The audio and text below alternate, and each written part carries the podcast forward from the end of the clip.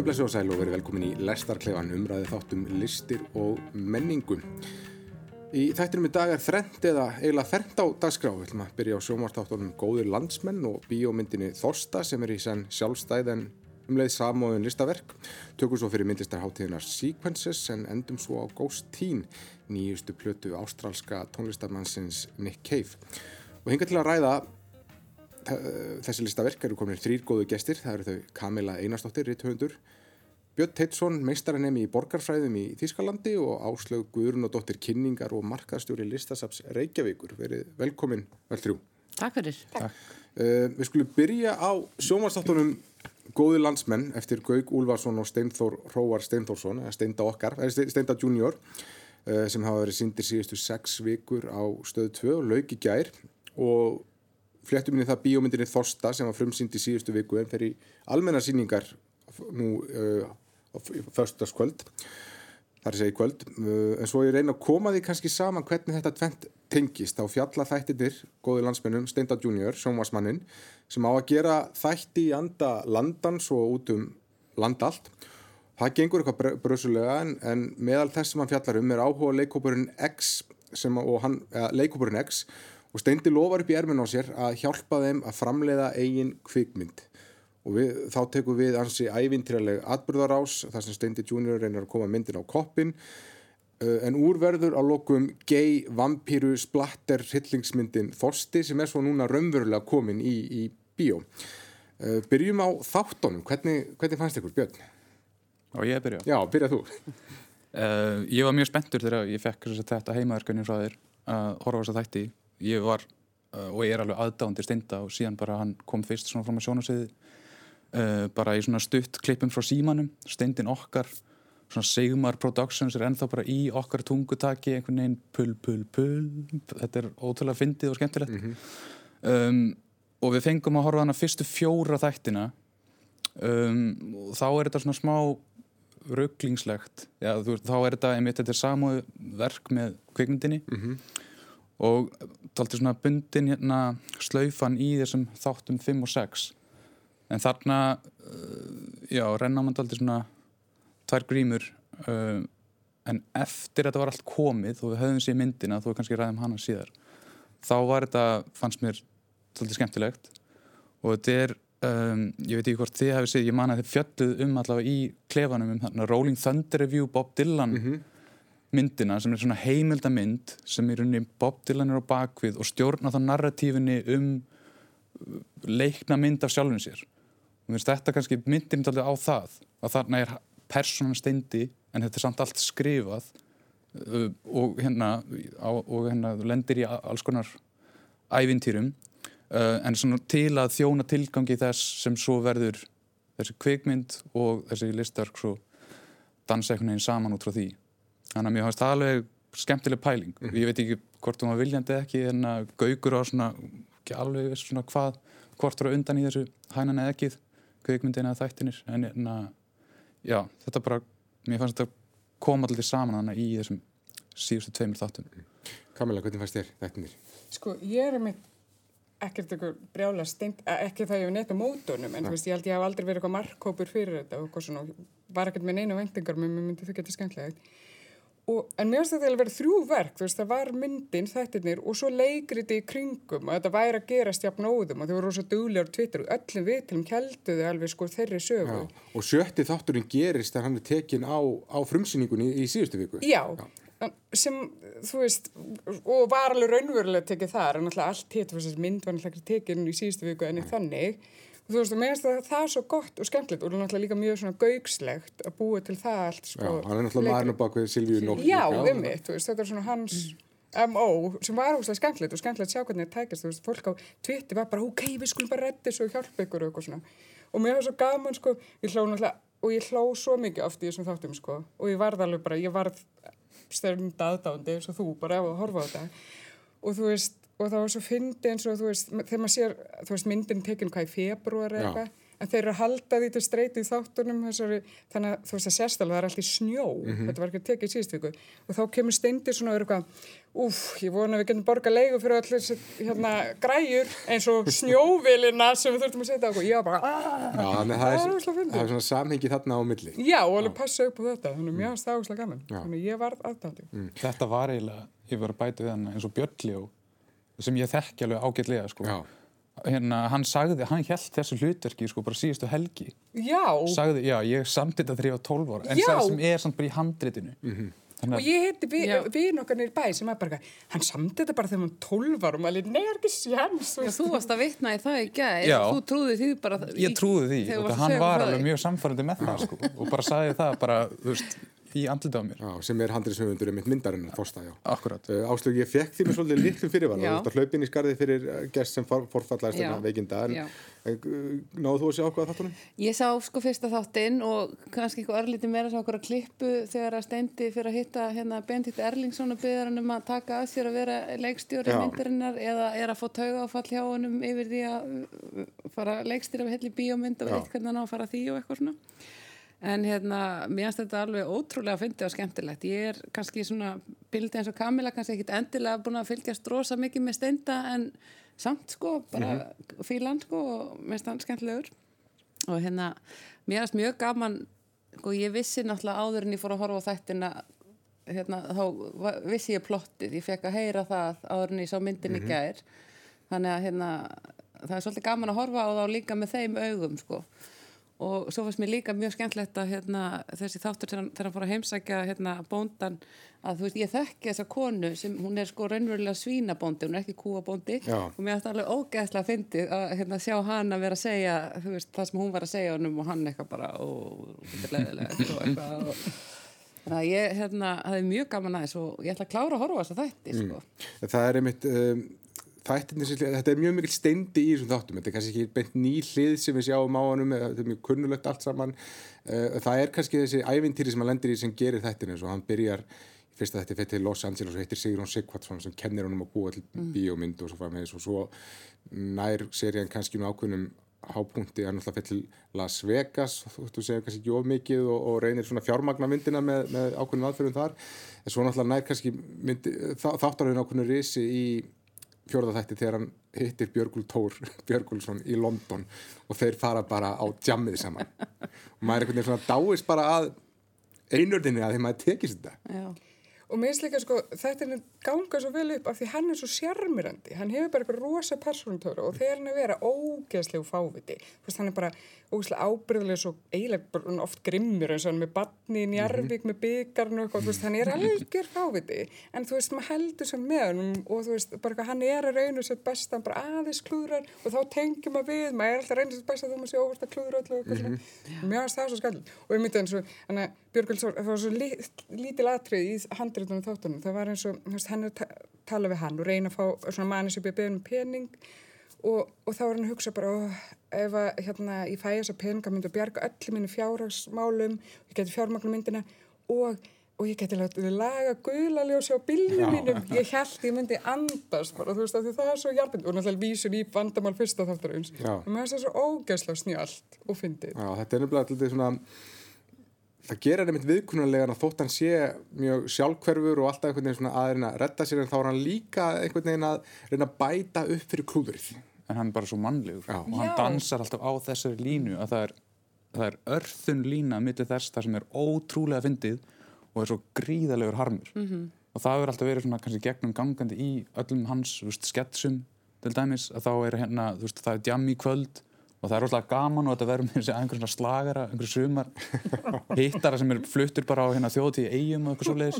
en náttúrulega í lokinu á þessu þá ertu með eitthvað gríðalega veikan einstakling sem bara er að detti sundur Já, uh, líkamlega og andlega. búin að brenna alla brýra baki og algjörlega, en þetta var svona ótrúlega fyndið, skilur, og það hann er alltaf hann er góður að finna þessa línu og svona dansa alveg svona Og það er alveg náttúrulega þegar hann kom hann og ætlaði að fara að segja leikofnum X að þetta myndi ekki ganga og það, þau voru bara byrja með fagnaðarpartíið og hann komst aldrei einhvern veginn að og maður alveg bara, ó, þetta er eitthvað svo, hérna, hvað ætlar hann að gera, sko? Mm.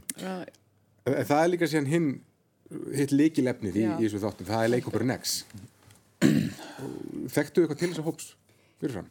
sko, þau urðu náttúrulega svolítið væralana á YouTube Já. fyrir einhverjum árum og eitthvað svona og eins og þegar ég fór myndina minnst, að þú veist, ég var svo stressuð kannski að þetta ætti að vera eitthvað svona gera grína því að þau væri ennþá að baksa vera auka leikarar og meðan hann og þú veist þessi gaurar og on one strákarnir eitthvað, þeir eru svo spaðar og þetta vera eitthvað svona grína þeirra kostnað sem ég ást mjög óþægilegt. En þú veist, svo sér maður myndinu, er náttúrulega alls ekki þannig. Og þú veist, þau náttúrulega bara eru, þú veist, þau halda þessar myndi upp og eru æði, þú veist, æði sem, já, en við erum kannski ekki að tala Mhm. Já, um við skulum kannski bara komin á, inn á það á, á eftir en leikhópurinn alltaf, leikhópurinn X hefur verið komið fram í tugum bíómynda í gegnum árun, alltaf í svona auka hluturkum, aldrei fengið marga línur, uh, vöktu kannski smá aðtegla auðvitað á, á YouTube með, með sketsum þar, uh, en líka í auglýsingum sem voru alltaf sindar og undan og eftir ófærð fyrir á, á þessu ári, þá, á, alveg rétt. Já, á, á, já. voruð það sko, þannig að það er, þetta er líka að því leitinu svona óður til aukalegarna. Algjörlega. Uh, þannig að, já, hvernig fannst ykkur það svona ganga að vinna með þessum hópi í þáttunum? Já, ég, hérna, ég sá náttúrulega myndina fyrst Já. og svo horfði ég á þennan þátt og þennan hluta úr öðrum og hérna, mér varst það bara, hérna, mér var fara að þykja svo vænt um þetta fólk, sko, og svo var ég aðeins búin að horfa nokkra sketsa á YouTube líka, sko, þannig að mér fannst þetta bara ganga mjög vel, Mm. bara alls ekki, þetta var alls ekki neitt eitthvað grín á þeirra kostnað, mér varst, ég sammála því, sko, Mm. og hérna, ég bara, ég veit að, þú veist, ég held að framtíðin sé björt hjá þessu fólki, sko, Já. á þessu sviði. Mér finnst þess að þú veist Jens, Löggan Já. og Ester, þú veist, þau eru svo ógeðslega góð að ég bara, ég vil fá, þú veist, mynd núna bara, þú veist, með, um þeirra ástaræfingur og hvernig þau byrjuðu saman og eitthvað svona. Og þú veist, þau eru svo frábær, hann er svo ógeðslega góð og íslensku lögga, þó að myndin sé algjört rugg, þetta er bara þvæla og bara eitthvað, típu út um allt og eitthvað svona, Já. og blóð. Þá er hann samt, þú veist, hann er bara svona, já, samt er eitthvað svona skandinaviskur raunsa yfir þessu Já, það er, það er svo, þetta er svona skemmtilegu hópur hjá ólíkum aldri og svona, er svona fjölbreytir svona þegar hann er að borða hana plokkfisk. Það Já. úr skandinavian ísskápnum. pein sko. Já, svo við þá kannski bara vind okkur beint yfir í bíómyndina Já. eftir að hafa- fylgst með þessum þáttum að sem þetta er alltaf svona að koma heim og saman þá sjáum við þessa mynd sem Steindi fær fljótt hugmynd að að gera gay vampíru splatter hryllingsmynd og það er eftir að hafa rætt við Sigrjón Sigvardsson sem hefur þulu upp svona af handahófi nokkrar kvikmyndategundir sem eru svona mikið inni og þá klastrar steindi þessari, þessari, mynd, svona, þessari hugmynd saman við svona kannski, mismikla hrifningu allavega efasendir leikópsins X framan að en úr verður loksins þessi, þessi mynd og hún stendur sannlega undir nafni. Já, heldur betur. Hérna, já, við vorum alltaf saman að horfa á þetta Já. og við hlóum alveg gríðarlega mikið um, leikópurinn mitt stóð sér rosalega vel og þau svona voru svona akkurat rétt einhvern veginn í öll hlutverkin og mér finnst alltaf gott hvernig Kamila kom inn á þetta. Maður var svona smá stressaður um að þetta væri kannski gert á kostnað einhvers en þau voru bara akkurat fullkomin í þessa, þetta svona genre að vera svona bímynda hryllingsblatter uh, kvikmynd og svona margt í henni fannst mér bara gefa þetta kynna að þetta gæti orðið ákveðin svona kallt mynd þetta, þetta er svona ein, eða það var ein önnur þannig að Reykjavík Whale Watching Watching Massacre. Sem er svona kannski í þessum flokki. Já, en svo líka uh, það sem við tölum um í bílnum, tónlistin hjá Ó, Berntsen já, hún er er bara stórkostleg og þótt að það væri ekki neitt annað en bara soundtracki úr þessari mynd sem kemur út úr henni þá er hann algjörlega þess virði. Og líka kom singull sem er sungin hana af uh, Ste, Ste, Stefáni Jakobsinni Stefán Jakobsson og- og úr Dimmu.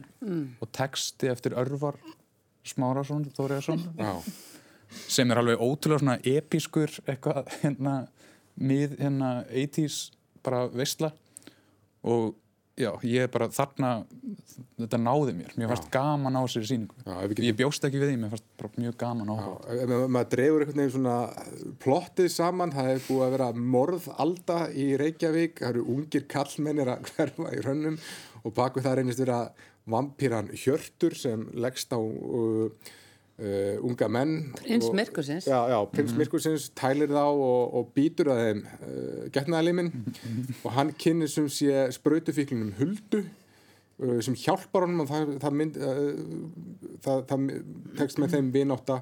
Og svo breyti, blandast inn í þetta uh, sértrúasöfnuður og, og, og já, það er kannski ekki mikið annað að segja um þetta en svo bara en, en, en þetta plott, en það er eitt sem kannski Gaugur hefur óbáslega mikið valda á leikstjóri er að hann næra að skapa mjög mikla stemningu mm. þetta er svona Reykjavík en samt einhvers konar svona Gotham blær yfir öllu Ég hef sko, hérna, ég kom algjörlega kvölda þessari mynd. Ég hafði heyrt þetta að væri vampýru eitthvað og þú veist, ég veit alveg að svona vampýru myndir og þættir og svona eru mjög vinsalir í ykkurum hópum og hjá ungum krökkum og svona en hef aldrei sínt þessu neitt áhuga sjálf hann ég var bara svona, ok, þetta er áhugavert. Ég hef aldrei trúaði hvað mér þótti gaman að þessari mynd sko og hérna ógæðislega fyndið hefur alveg fengið svona ný, nýja merkingu í mínum huga það hugtak sko því hún er það. Bara sjálf að hleyja mikið í bíó og ég hef Ég var næst íbúin á guppa líka hana á tíampunkti, sko. Bara, ég var mjög fegin að vera ekki nýbúin að bóra pulsu til dæmis. Ég finn sannlega aldrei aftur bóra pulsu eftir að hafa hort á þessa mynd. Allavega það þarf að líða svolítið tími. Já, SS styrkir þessa mynd líka ekki. ég veit ekki, eða bæjars bestu. Já. Og hérna ég er sammálega með, sko, og tónlistin og leikararnir og mér finnst þetta bara ganga fullkóli upp og mér finnst þetta svo velgerð mynd. Mm og mér það komið svo óvart þegar hann var að segja á gaugur, þú veist, bara þú múin að gerð bara fyrir rosa lítinn pening og rosa lítinn stöðning og svona þú veist að ég kannski hefur ekki fólk haft trú á þessu mm. og hérna en hann sagði líka að margir hefur viljað bara vera með bara þetta er svo spennandi og öðruvísi Já, sko. þetta er svona surrealísk nálgun Já, og svo veist mér líka bara hérna kvíti skotni sem hún var í allan tíman veist, þetta var eitthvað svo stórkostlegt og það eru mörg svona minni Já. í þessari mynd sem að veist, þó ég fatti það ekki ég veit ekki alveg í hvað við erum að vísa en það hlýtur til og með að vera eitthvað sko, mm. þessi, þessi kvíti skór sem voru alltaf á hælum í skítakulda þeir voru alltaf út í blóði og Já. svo ekki og eitthvað mm og sko ég bjóstu því þegar hún held að hann Hjörstur var að deyja og hún var næstíð búin að segja að ég elska þig. Það var bara eina setningi sem vantæði að hann myndi bara breytast í einhvern svona kannski bara prinsljósins eða eitthvað sko. En staðislega mynd sko. En Gaugur er greinilega að vísa í splattera eins og bara Peter Já. Jackson með Brain Dead og, og Bad Taste og þess að myndir Evil Dead myndirnar hans til samræmi myndir, og hann fer ekki til felu með það og svo eru líka nýleiri myndir eins og Mandy með Nicolas Cage það er svona auðvitað vísanir í það og það er bara gert vísna vel og líka bara þú veist taka þessa klísjur úr hryllingsmyndum og bara yfirkeira það eins og þú veist, það er klass, mikil klísja í hryllingsmyndum að bara drepi mömmu sína og mm -hmm. þarna gerst það oftar en einu sinni í mjög fáum hóp, hóp það er veist, mm. og það er svo ógæslega fendi og, og eins og þegar ég var á forsengunni tróðufullum sal í Egilsvöld og þú veist það bara voru allir öskrandi og hlæjandi og klappandi þú veist þannig ég held að gangi alveg upp sem stemningsminn og eins og þú veist að segja að þetta gæti orðið kallt, ég var með þetta pæli af því þú veist hún getur ekki elst ítla því hún byrjar eiginlega ekki verið eða þú veist, hún er ekkert eins og góð núna eða þú veist, af því hún er viljandi að vera óslega, mm. já, ger grína lélögu myndum, þá heldur hún geta alveg að lifa eftir tíu ár, þetta verður alveg að finna og ég vil þá finna það af því við erum eins og fullt af svona dægur stjórnum hana. Já, algjörlega. Já, Svo var alltaf gott að tryggja hérna, ég var á bíl sko við viljum hlæga því. Og hann var skuttla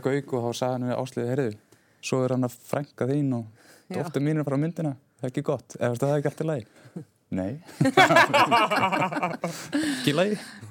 13 ára. Já, já er, hún er náttúrulega hardbönnið inn á 16 ára. sem gerur það að verkum að þeir sem eru aldrei 12 til 16 er bara Já, einmitt, Þetta er ákveðat svona um, við sem erum alveg uppjörna á nýjunda áratunum Þetta hefði verið svona góð mynd í ammalsverslu svona 1988 þú veist vinahópurinn saman að passa og horfum að exorcist. Já, ég gerði það ekkert það er líka sem er kannski líka svo sérmennandi við þetta þetta er augljóslega ekki mynd sem er gerð til þess að græða neitt peninga því að þú setur með, með Steinda junior í aðalhut ja, hann er svo sem ekki aðalhutur ekki í myndinni en með hann sem, hann tengist myndinu okkur nátt þá ertu bara með eitthvað garanterað 40.000 ungmenni sem koma og mæti bíó en, en, en þú ert í rauninni að halda þeim frá með því að gera, gera svona splatter. En ég minna þú ert með, þú veist, herrarnitu smjög og allt þetta lið, þú veist. Og sko stórskotarlið bara leikara í auka hlutarkum hann já, já. Þannig að Ólafi hrannar atrið, það var svo ótrúlega Það var líka góð byrjun bara. Já, hérna, hann er endur ekkert læknir, hann er frendi mín. Byrjaði á alveg svo vakalum bráðara. Það er óbúrslega margir hérna, frægi leikar Yngvar Essi og þarna og hérna, Haldur að gerast þetta. Unnsteinn úr, úr, úr Retro Steffsson. Já, mjög góð innkomi. En, en þetta er auðvitað bara mynd leikópsins X. Sko, Steindi til dæmis að það er kannski kostur myndarinnar hvað Steindi sem hefur ráður ríkjum í sjónvastáttunum að hann er sáralítið í myndinni, hann er í tveimur litlum hluturkum og öðru þá, þá er hann eiginlega ekki minni en línur, þannig að hann er svona, hans nærvera er ekki jafn sterk og í, í, í þáttunum og það er eiginlega kostur. Já. Þau, þú veist, leikabrún X á þessa mynd. Já. Þú veist, Þetta er þeirra mynd og það er þau sem gera hann svo ógeðslega góða. Já, og einhver svona uh, uppáhaldsið óttu, hann hlað Hjörtur sem leikur hérna prins það Jens uh, rannsókara laurugla sem var algjörlega Og frábær Ester bara, Já. ég bara vil plaggat með henni. sjómaspredikarin Já, hún er algjörlega æði í þessu. Mér fannst náttúrulega bara þessi one-liner að á kostnað Jens Já. eða þú veist, personar Já, ekki, Jen, Ekki ekki Jens, Jens Jens Jens. Ekki að- ekki meira glens Jens þetta er rosalega gott núna er er eðilega kannski að segja svo mikið Já, við skulum, já, Ég held en, við séum ekki að því. en, en standa þessi standa þættirnir og myndin, standa þau sjálfstætt eða verður maður að hafa séð annað til þess að sjá til þess að njóta hins ég er sammála gauki að maður getur komið kaldur inn í myndina Já. og notið hennar bara en mér fannst samt þannig að þegar að serían var að klárast mm. þá eftir, fannst mér skemmtilegt það svona bætti hvort annað upp Já. Já. ég myndi alveg allavega ekki mæla gegn því að, veist, að fólk hafi þá upplegað bæði verkin Algjörlega. Var, var eitthvað svona sem eitthvað fannst síðra verið þetta var eitthvað sem svona var of mikið af einhver eitthvað sem trublaði eða eitthvað til löst á þessum verkum Og mikið blóð, og mikið tippi, og mikið innibli. já, það var, var gefin ástæða sem Ég tók Adam og Eva fekk, fekk, sko. fekk þakkir hérna, það var gefin ástæða sem Adam og Eva þakkir já, hérna í, lókmyndinu Já, já. En ég meina, er eitthvað tímar of mikið í splattermynd? Þú veist, átt ekki bara að vera of mikið? Mhm. Er það ekki tilgangurinn? Já, ég saknaði þess kannski í þáttunum sjálfum að það hefði kannski mátt tengja betur milli atbyrjar ásannana eins og hann fer og hittir Sigrun Sigvardsson að gefin ástæði það er svona tilvílu sem leiðir hann þangað en það er eiginlega engin sérstök ástæða sem leiðir hann á fund til dæmis á Björgólfi Tór það er svona frekar latt hvernig það er skrifað inn í þannig að ég kannski vilja sjá aðeins meiri hersluminn þar en var það eitthvað sem trúblaði? nei, Þú veist ekki þannig romantískasta mon, montasið um þá eitthvað hjóla og ís og eitthvað, ég, bara, ég er alveg til að horfa hún er ótrúlega fallega hann Ógeðslega hund falleg. líka hann Já. var hann svona svissnesku sétt vá, hvað þetta er gaman hjá Já, það það var þetta alveg hrikalega góð sinna. Þannig að við erum bara, já, bísna ánað með, með góða Íslandi, nei, góða landsmenn og, og þorsta. Já, það kom bara rosalega ég, ekkert, ég bjóst ekkert við eitthvað lélegu verki Nei. en þetta var betra en en ég hafði búist við þetta var ótrúlega skemmtilegt Gaman að fara með ykkur í bíó. Allir í bíó sem hafa aldrei til. Uh, við skulum venda okkar kvæði í kross og fara í myndlistahátti, uh, myndlist. Uh, myndlistarháttíðin Sequences var haldin í nýjönda sinn á dögunum, laukum síðustu helgi. Háttíðin er haldin á tveggjára fresti og þar hefur lungum verið einblýtt á rauntímalist og tímatengda miðla, vídeoverk og gjörningar sérstaklega. Sýningastjórar á þessu sinni voru þau Hildikunur Birgisdóttir og Ingólfur Arnarsson og þau ákveða að þennja skilgreininguna um rauntímalist svo litið út. Öllu heldur kljúfa hugtakið rauntími í tvent, það er að segja raun og tími. Og velja eftir því fjölbreyttan hóp listamanna sem vinna í ólíka miðla. Auk myndlistarsýninga var líka bóðið upp á kvikmyndarsýningar í Bíóparadís og tónleika í Fríkirkjunni. Þunga með hátíðarnar var hins vegar í Marsalhúsinu, bæði í Kling og Bang og nýlista safninu, auk þess sem heiðus listamæður hátíðarnar Kristinn Guðbrandur Harðarsson, hann er með síningu í Ásmundarsal og þessar síningar standa enn yfir og við ætlum að einblýna kannski á svolítið þann þátt uh, hér í þættunum. Áslu, hvernig var þín upplifun af Sequences? Ég fór í morgun til dæmis í Ásmundarsal og, og skoðaði síningunum þar og fekk mér aðeinslega gott kaffi og croissant og hérna fór með dóttur mína hann sem er fjár ára eh, upp að skoða síninguna og spurði hvernig henni leytist á og ég sagði já, hvernig finnst þér þessi síning? Vel. Þetta var bara mjög skemmtilegt að hérna, ég viðkynna það, ég, ég þekkti ekki mikið til þessa myndlistamanns Nei. Kristín Guðbrands. En það, þú segir frá því að hann er hann hefur alltaf verið svona eitthvað svona aðstil hliðar Já. við senuna og er ekkert eitthvað að elda einhverja tískubylgjur og svona sko þannig að hérna, mér varst bara mjög gaman að sjá þessi verk og lesa hérna, það sem hann Heiðakári skrifaði um hann og, og svona það gefur manni svona dýpri skilning á þessu og skoðaði svo bókverki sem hann gerði Já. eru svona þessar myndir sem eru þarna og svo okkur ljóð eða ég veit ekki, einhver texti, ég veit ekki hvað það heitir ljóð eða hvað sko, þannig að þarna spilaði bara skemmtilega saman og svo er líka þarna niðri í ásmundarsal er hérna svona off-venue dagskrá Já, eða í grifjunni. síninginar hérna e, Þorgerar Ólafsdóttur Já, sem er á þremur kaffihúsum hann að reykja gróstes kaffihúsum. Já, og það fannst mér alveg rosalega flott og ég vissi ekki einu sinni á því sko, ég bara skammast mér fyrir að segja að reykja gróstes er bara með ongoing sko, myndlistarsýningar allt árið. Já, sem heita í kring Já. Já, og ég fór í Marshallhúsið hann uh, þegar að Andris Nær var með bókakynninguna sína Já. þar. Og þannig ég sá ekki sko það sem maður á neðstu hæðinni uh, á veitingastæðanum það var svo bara margt fólk sko en, en hérna síningarnar uppi bara í Klingabanga og Nílstafnir fannst mér mjög skemmtilegar og fjölbreyttar. Og hérna, þú veist, eftir situr hjá mér sko verkið hérna ósótt útsýni þú veist, alveg stórkostlegt eftir, Já. eftir Kristján Guðmundsson. Já.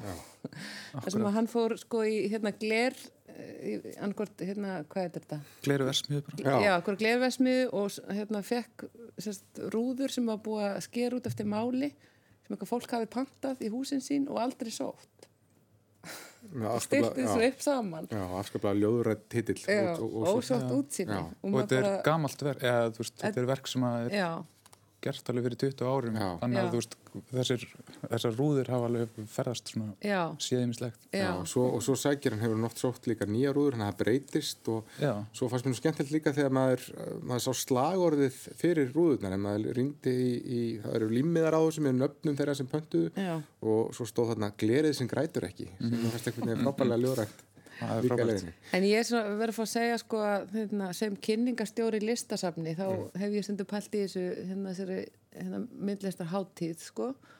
Og svona velti fyrir mig bara hvað viljaðu ekki að neitt komi. Mér finnst það eitthvað svona ekkit rosalega vel kynnt nema kannski innan hérna, myndlistarsenunar mm. og það var alveg bara eins og núna svona meðvitað að draga þetta hérna, þessa háttíð aftur svona niður til grasrótarinnar. Já, og það var vist tróðið á öllum viðburðunum og öllum hérna, gjörningunum og uppakomunum og hefði bara ekkert komist fleiri að.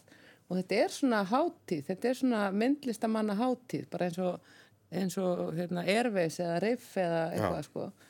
Og svona, svolítið svona að vera að kafa á dýftina í, hérna, í myndlistinu og þau eru held í sem sagt, tengjast sem hérna, kennari listaháskólanum já, það er þessi Hildur Gunnar Birgisdóttir og Já. Arnarsson, sýningastjórar. og hafa sagt sko þau völdu verk sem að þau vildu sjá og vildu sína öðrum í svona kannski svona pínu kennslu Mhm. Já. tilgangi Já, og voru með þessa pælingu einmitt um raun og tíma, Já. það var svona, þannig vikkuðu út, út húttæki. En hvernig fannst ykkur, Kamila? Sko, ég fór þarna í ásmyndarsal, Já. vissi heldur ekkert hver þetta var og, en eftir af eitt nóttin ég að hlusta plötunum sem við ætlum að tala um á eftir Já. þannig ég var algjörlega buguð bara, þú veist, engin raki eftir unni mér bara af því ég var búin að gráta öll og bara skreiðan inn og bara hvað, vissi bara að þetta hétt eitthvað dauðabanin og ég var bara, ó, ég get ekki meira dauða núna og, eitthvað. og kem hann upp bara frekar svona buguð og, og bara, ég hef aldrei verið að fegin og glöð að sjá nokkra myndlistasingu og þetta er svo ógæslega litrikt, þetta er svo fyndið og skemmtlegt að ég bara, mér langar að kissa öll verkin og mér finnst þetta ógæslega skemmtlegt og ég er búin að segja öllu vinn mér, bara þetta verði að fara inn í ásmyndasal bara, þetta er svo, er svo skemmtleg tekstar og líka bara svo gaman ég veit ekki, svona gleðilega hluð döðans og skoða bókin, svo þetta skoðan hana niðri, þú veist prentu bókina á kaffhúsinu sem byrjar bara á okkur svona mynd og svona nokkrum línum sem er eitthvað svona eh, sena það sem allir deyja á okkur sapni og þetta er svo fyndi að þú bara frussar kaffi yfir allt kaffhúsi og ég bara, þú veist, ég var bara ógæslega mikið fan, þú veist, og núna bara langar mig að kynna með öll verka sem manns og eitthvað. Og, og hljópi fyrir Marshallhús og þetta er bara, ég vissi að vera fleiri verk þar eftir hann og svo eru þau náttúrulega allt, allt öðru sig, það eru þessu skúltúrar og þú veist, en þá var ég náttúrulega bara orðin svo, fann liðið minn döðan, ég var að reyna að sjá allt út með eitthvað svona döðaglerum, sko. Þú varst í rauninni, en ekki Já, í því þeimma. ymmit, sko. Þannig að ég, já, ég var rosalega ánum aðsmöndarsal Já. og bara finnst allir hægt að sjá þetta. Mm. Björn, hvernig fannst þér? Um, ég fór þannig á síningar stjóra spjall og hitti þau Hildi Gunni og Ingólf og það var mjög skemmtilegt og ég var einmitt svona rosalega heitlaður af ósóttu útsinni alveg strax. Það var náttúrulega aldrei leiðilegt að hafa mistað mikið af þessum gjörninga hérna verkum og þú veist, þú kannski fólk sem kannast við, Gunnar Sluter var með svona klippi, hérna, klippa hár, þú veist, og spjall sem myndast alltaf þar, milli listafólks og alls konar fólks. Uh, var náttúrulega kveimdar sinni Agnes Martin var í Bíóparadís um, sem var kannski leiðilegt að missa af líka uh, en svo er bara einmitt þetta er, þetta er stemningshátíð og það er rosalega mikið húmor í þessum verkum og það sérstaklega sem eru í Marshallhúsinu en þau sögðu mig líka og þú veist minnast á það það er svona hátíðar stemning.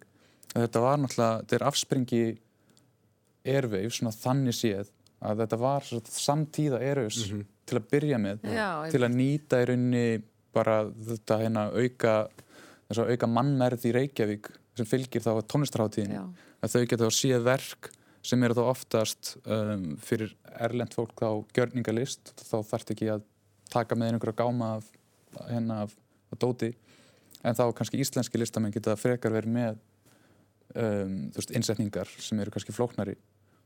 Og svo þessi hugmynd líka sem ég held að sé smá þema í dag, hvort það er viljandi eða ekki með þetta raun tími. Þetta er líka alltaf svona realismi og draumórar skiljiðust sem er á efri hæðinni og neðri hæðinni. Já. þá ertu í einhverju svona ja, skiljiðu hvað er að minna þá hérna á efri hæðinni þá ertu með eitthvað svona sem er næstum því hægt að snerta en svo ertu með eitthvað annað sem þarfst að túlka betur. Og ég held að það sé litið í steindaþáttunum þá er einmitt, þú veist, e- þetta er svona heimildamind en skrifuð og hún Já. svona býr til annan raunveruleika veist, heldur en heldur en var kannski í rauninni. Og, og svo náttúrulega kannski þau koma eftir í Nick Cave blessan þá er hann alltaf líka daldur svona á milli raunveruleika og, og draumóra. Það sem, ég segi það sama og þú að ég þekkti ekki til verka Kristins Guðbrands uh, og það er það sem hann segir nú svo sem í síningarskránni en Ingólfur Arnarsson þetta er, uh, þetta er listamæður sem hans kynnslóð þekkir vel og, og virðir en hefur svolítið gleymst, hann er verið að kenna í myndlistaskólum í Reykjavík og þau vildu bara setja hann fram og bara, svona, svona, bara minna á hann, bara kynna yngri uh, kynnslóðum hans. Og það, það hefur tekist alveg mjög vel, maður verður með mjög, mjög forvitin um hann, hann greiðlega svona mikill húmor og eins og hildigunin nefnir líka einhver svona hlýja og hóvarð í, í, í innbundinni í þessu verk. Og, og kannski bara, þú veist, ég skil ekki alveg af hverju hann hefur ekki verið bara meira upp á yfirborðinu. Já, Þú veist, hérna, kannski tengist því það sem hún skrifar hún hildigunnur í síningarskona það segir að hún, hún rifjar upp þegar hún hitt hann í fyrsta skipti og segir hann sló mig sem mótsögn við það sem mér hafi verið sagt um myndlistamenn. Hann var jarðbundin og rólegur í óskup venjulegum fötum. Og það er svona uh, svona vinnur til ekki svona gegn klísjunni um, um myndlistamannin sem eitthvað svona, tilgerðanlega spjátrung. Svona og Ragnar Kjartansson. sem að, sem að sko leikur sér á því að vera... sem sviðsetur sig já, já, já, já. Nei, en ég meina, ég hitti sko myndlistamenn núna bara hverjum degi í vinnunni og þetta er bara þetta er bara svona velið fólk eins og við sko Já. meira að minna já, Þannig að, já, en, en, en þið voru sem sé bara nokkuð ánað með, með sequences í ár. það sem ég náði að sjá Já. en hérna eins og ég segi hérna með bara leiðilegt að mista kannski það er eitthvað sem eins og áslög bent á að þetta er ekkert það mikið kynnt kannski, Nei. þetta er mikið bara kannski listaháti fyrir listamenn eða listafólk. Um, en ég mæli með bara fyrir fólk út á götu þá er, einmitt, er mikill húmor þetta er skemmt, það er stemning í þessu en ég meina ef maður hefði alltaf sko verið að vitna öllum gjörningunum og, og taka þetta saman verið í þú veist, ég er bara hægt að senda börnin minn Já, þau gerðu sem þetta fara um það að fækka síningastöðum þegar þau voru færri núna Já. heldur en oft, óttur hafi nú verið um kvipin og kvappin og gerðu sem fara um það að þú ættir að geta svona náð uh, sem flestu á, á kannski á einni helgi en það það sannlega mjög einbyttan vilja til þess sko, sem já. er nú alltaf enginni allra svona hátíða en frábær innspýting í, í svona myndlistar heimins sérstaklega mikið af erlendum listamönnum og þetta er svona blanda sem að sér ekkit uh, alltaf hérna, á sýningum á Íslandi. Mhm. Mér finnst líka, mér langar að segja sko, hérna, síningaskráin mm. ég sko sapnaði þessu ekki sjálf, ég tekka fram ég er með sambönd og reddaði mér þessu hérna í morgun sko. Útbrentuðu Já, en það, það, þú veist, þetta er þó á hinum og þessum stöðum Já, og svo er, var meiningin að þú sapnaðir þessu saman og settir þetta svo svona í þessa hérna, fínu möppu og minnst þetta mjög sniðut og, og skemmtilegt og svona kannski hvetur fólk til að bara já, já, eftir að ná hérna þessu og eitthvað og þannig að hérna já. Það var eitt sem var kannski sem ég tók eftir í, í Marshallhúsinu maður gekkum og, og skoðaði verkin og maður sá að það var ekki nafn við hlið hvers verks og svona. fyrst leti ég þetta að fara í taugadan á mér og maður hugsa, herru, ég vil vita hver þetta er. Svo gæt maður nú gengið til hliðar og, og séð svona bæklinga með, með nöfnunum. En það kannski undistrykkaði að maður átti ekki endilega að vita eftir hvernig er þetta heldur hvað er þetta. Já, Mm, já, kannski það var líka svolítið gaman að giska. Já, og þó, og svo varstu líka daldið að hátíðarnar mm. já, og sérstaklega þessa þessara tvekja sýninga þannig mm. í, í Marsalhúsinu já, en já, mér fannst það einmitt bara vera mjög skemmtilegt og svona að finna einhvert þráð Ég fannst eitt í síningarskráni sérstaklega ótrúlega frábært og það var ekki verk, það var text, af því sumt var bara textar. já, Og hérna, ég held að hann heiti Margrét Bjarnadóttir hérna með tryggingamiðlaran, mér finnst það ógæðislega gott. Hún fær tryggingamiðlar í heimsókn og bara mælu með því allir leysið það. já, það er bara það er sum verkin á sýningunum voru einfallega bara textaverk Já, einmitt. og og minnumst þá kannski líka þannig að Philip Jack þú veist, þeir tónleikar voru náttúrulega held ég að mikill fengur fyrir Já. svona uh, allt tónlistar nörda í Reykjavík uh, þó ég hefur endur ekki farið einmitt sem voru í fríkjörkinu um, um síðustu helgi en það er svo sé enn hægt að sjá uh, þessar sýningar þessar, þennan part af sequences í Marshall húsinu og í Ásmundarsal. En við skulum enda lestarklefan á spjalli um nýjustu plötu Ástralands Nick Cave Ghost Teen sem kom út á dögunum. Ég held að þetta sé 17. plata hans með The Bad Seeds. Uh, plötunni skipti tvo hluta sá fyrir er áttalögus og síðari þrjú. Og þarna er hann að takast á við einstaklega erfiða hluti. Þessi plata er úrvinnsla og sorgarferli sem hann hefur verið í síðan sonur hans, Arthur lesta slísförum fyrir fjórum árum síðan aðeins 15 ára gamall. Uh, ég held að þessi nærtakast að byrja á þér Kamila, ég heyri að þú, þessi plata hefði mjög mikil áhrif á þig. Já, sko, ég, ég elska myrkur og eimd og bara er algjör sökkar fyrir því. Og sérstaklega svona haustinn, þú veist, náttúrun og öll einhvern veginn að fallna á degi og það er komið myrkur og, þú veist, ástaræfindir í sjömarsins og vandræðilega eitthvað, þá er þetta fullkominn tími fyrir svona melankólíu. En þú veist, þetta er náttúrulega miklu meira en melankólíu. Þetta er bara ógeðslegur, botleis, harmur og sorg. Og þú veist, ég alveg settist niður bara og var alveg búin að undirbúa mig, þú veist, var alveg með kött og kertaljós og ostaköku og bara, ok, ég veit þetta var erfitt, af því þú veist, ég alveg fíla Nick Cave, en þú veist, ég vissi ekki hvað þetta er, þú veist, ég fyrir að gráta á hip-hop tónlingum, þú veist, bara af því að þeir eru eitthvað að rappa um ykkur sem svarar ekki síman og ég bara, þannig að þetta var, þetta er að henda sér fyrir 60 hjóla trukk, fannst mér, en þetta er samt ógeðslega fallegt.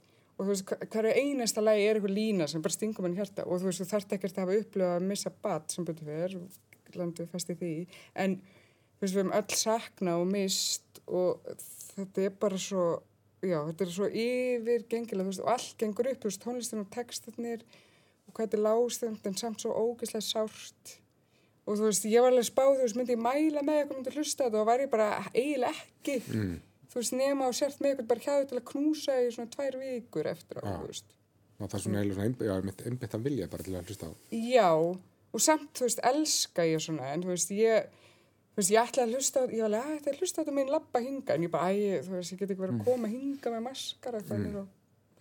Já, ég, einhvern tímann heyrði ég uh, talaði við konu sem sagðist ekki geta sagðist ekki geta lesið verk Girðis Elíassonar því að hún opnaði söguna og þetta bara væri svona verk sem gripan og rifana inn í einhvern sagnaheim sem hún var ekkert endilega alltaf viss sem hún vildi vera í Hún- hann hefði bara slikt tröstatak á henni þetta er kannski eitthvað svona svipað sem Já, þú ert að það er hana svona verndar aðstöður Já. einmitt.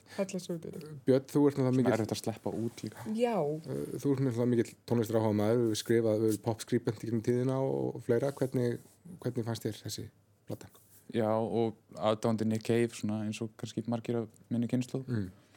um, þetta er alveg rosalega mikið listaverk og emitt, þetta er erfitt og þetta er hérna uppgjöru mikla sorg og en svo kom hana líka emitt, það eru línur í allir lögum og, og sumstaðar er svona einhverja línur sem svona gefa til kynna einhverja sátt og, og svona hérna ódegjandi ást líka til maka síns um, að þau hafi staðið svona í gegnum þetta ferli.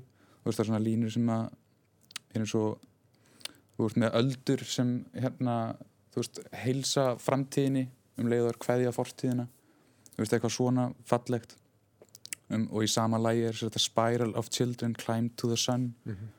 Og þetta er svona að færa alveg svona hugsa hérna út í allt þetta ferli sem hann hefur þurft að gangi í gegnum. Já, en svo er ég líka bara svo mikill aðdándi þess að hann er hérna bara kringu 60 og hann er ennþá að gera mjög augrandi og persónuleg verk. Mm.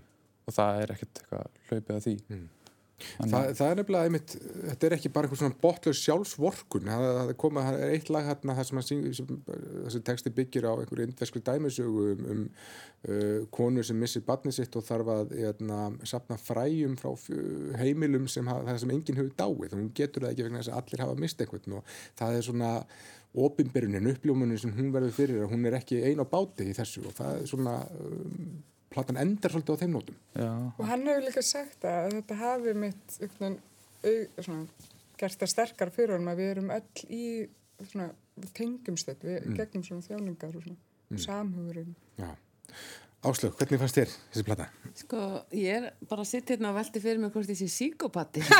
bara, ég hérna, er ekki svona reyna með eins og Kamila greinlega, sko. Ég hef elskað Nick Cave í, þú veist, 30 ár. Ég hef sko átt tanni uppáhaldslög, ég, hérna, vinkonum í gistin sem hjá mér og við vorum með samalega og repeat alla nóttina. Þú veist, ég bara, hérna, ég er kannski svona hreifnara, svona væmnari, ef maður má segja það, svona lögunum hans og bara var mjög spennt fyrir þessari plötu og þeir sá sko umslæði bara fallast að plötu umslæði sem ég á æminni séð og eitthvað svona.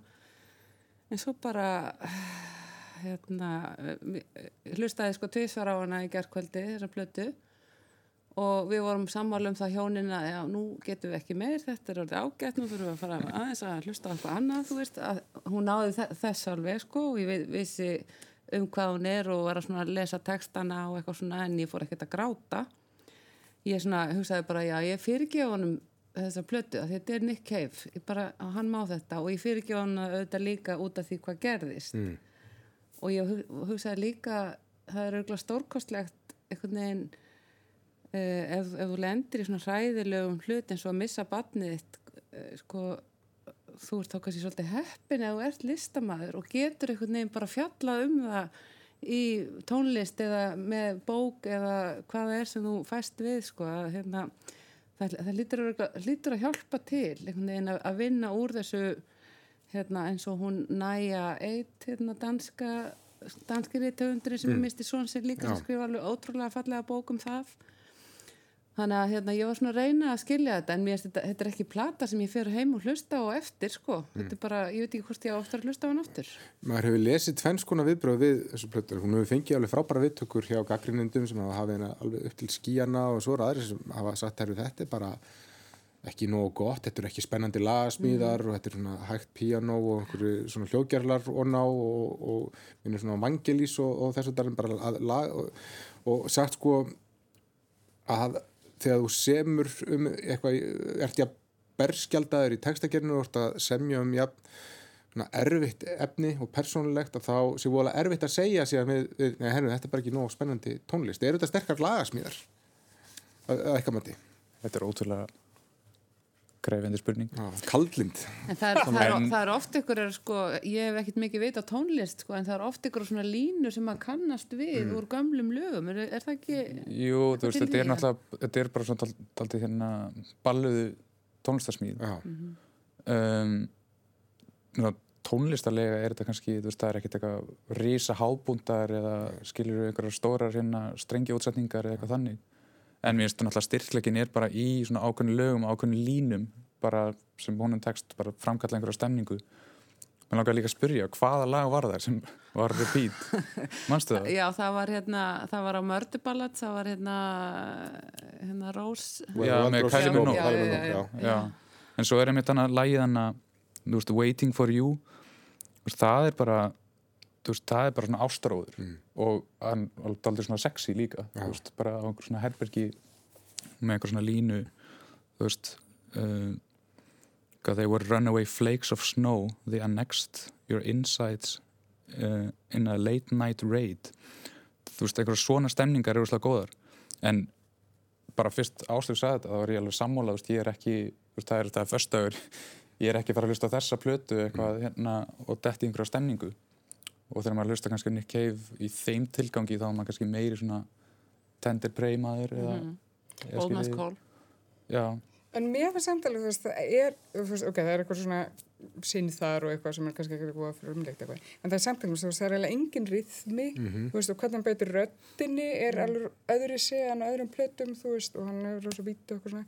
En þú veist, það helst líka í hendur við, þú veist, mér finnst bara heimurinn sem býr til, þessi fantasi heimur, af því hann segir eitthvað vitar, þú veist, hann fjallandlega beint um sorgin heldur svona eitthvað líkn sem hann fann í að búa til eitthvað heim, þú veist, en hann er samt að tala um, veist, bara eins og, þú veist, ég vona að þú sért bara komið næst í lest eða, þú veist, og línur sem hann tala um, þú veist, ég fer yfir sjó og höfun, þú veist, er söknurinn alltaf með mér og allt þetta, en þú veist, hann bara býr til heiminn, þú veist, þannig alltaf að tala um svona ævindir heim og byrtunum sem hann vona að sé, en samt veginn að játa en vita að það sé örgulega ekki, eða hann trúi kannski ekki á það stundum og eitthvað svona og þess vegna, þú veist, þetta plötu cover fyrst fannst mér eitthvað svo tísi en svo, þú veist, ég fattaði þegar ég hlustaði á plötuna þú veist, þetta er alveg viljandi gert svona eitthvað svona fantasíu Ævindra heimur já, þetta er alveg bókmyndalegt eða veist alveg mjög bókmyndalegt og einmitt oft svona dómstags hérna, svona brennandi hestar með hérna sál þeirra eru logandi eitthvað fyrir hérna, ára þeirra logandi meðan þeir hlaupa í gegn og kljúa borgina.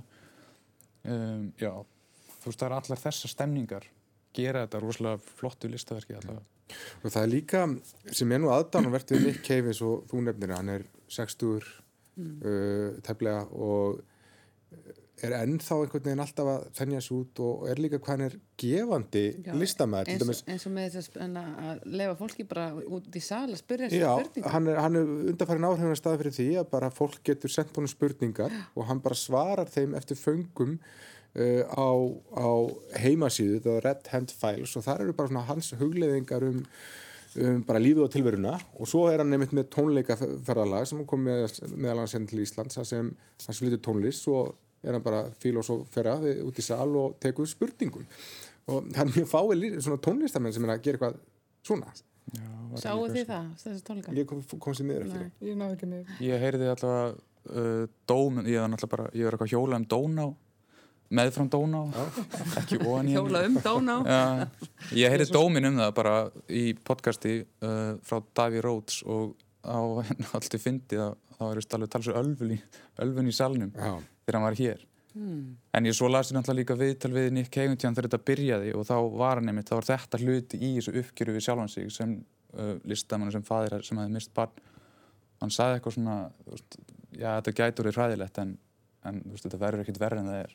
nákvæmlega, ekkert þú eru verra en það sem við Já. erum þegar En, en það er líka í þessu svona sem er eitthvað svona svona löngun til að tengja stöðurum það er maður oft svona þekkt með tónlistamenn sem kannski draga sig í hlið og loka sig af en hann er þert á móti einhvern veginn að opna sig út og, og það, þess vegna er þetta svo, svo búddíska dæmisaðarna í lokalæginu það er með þetta bara, þú veist, við erum einhvern veginn öll í sömu á sama og kemur að bara svo Snjó, erfið. snjókvar sem lenda í einhverju fenn. já. Mm. en um, hvað svona vonist þið eftir að viljið, viljið að hann haldi áfram á þessari slóð eða, eða á hann bara fara yfir í gamla salma á næstu plötum, viljið þið fá gamla Nick Cave aftur? Sko, hann er samt ekki alveg búin að svíkja alveg upprunum en hann er Nei. þarna Elvis-lægið og eitthvað svona, ég er alveg þessi sami rockari þarna. En ég veit það ekki. Mér, mér líður ekkert eins og hvað gamli Nick Cave sé horfin, sko. Ég held að hann muni núna bara að halda áfram og gera eitthvað annað, sko. Já, ég held að grændir menn sem er svona hliðaverkefni, ég held að þeir sé að fara hendi Já. Ég treyst honum bara fullkomlega til að vera áfram svona augrandi og leitandi listamæður. komist þá ekki lengra með þáttinn í dag. Kæra þakkir fyrir kominu og fyrir að taka okkur tíma til þess að sjá alla þessa viðbyrðu og ræða á einna með okkur. Áslög Guðrúnudóttir, Björn Teitsson og Kamila Einarsdóttir. Það var gott og takk fyrir komuna. Takk, Takk, góða helgi. góð helgi. Góða helgi.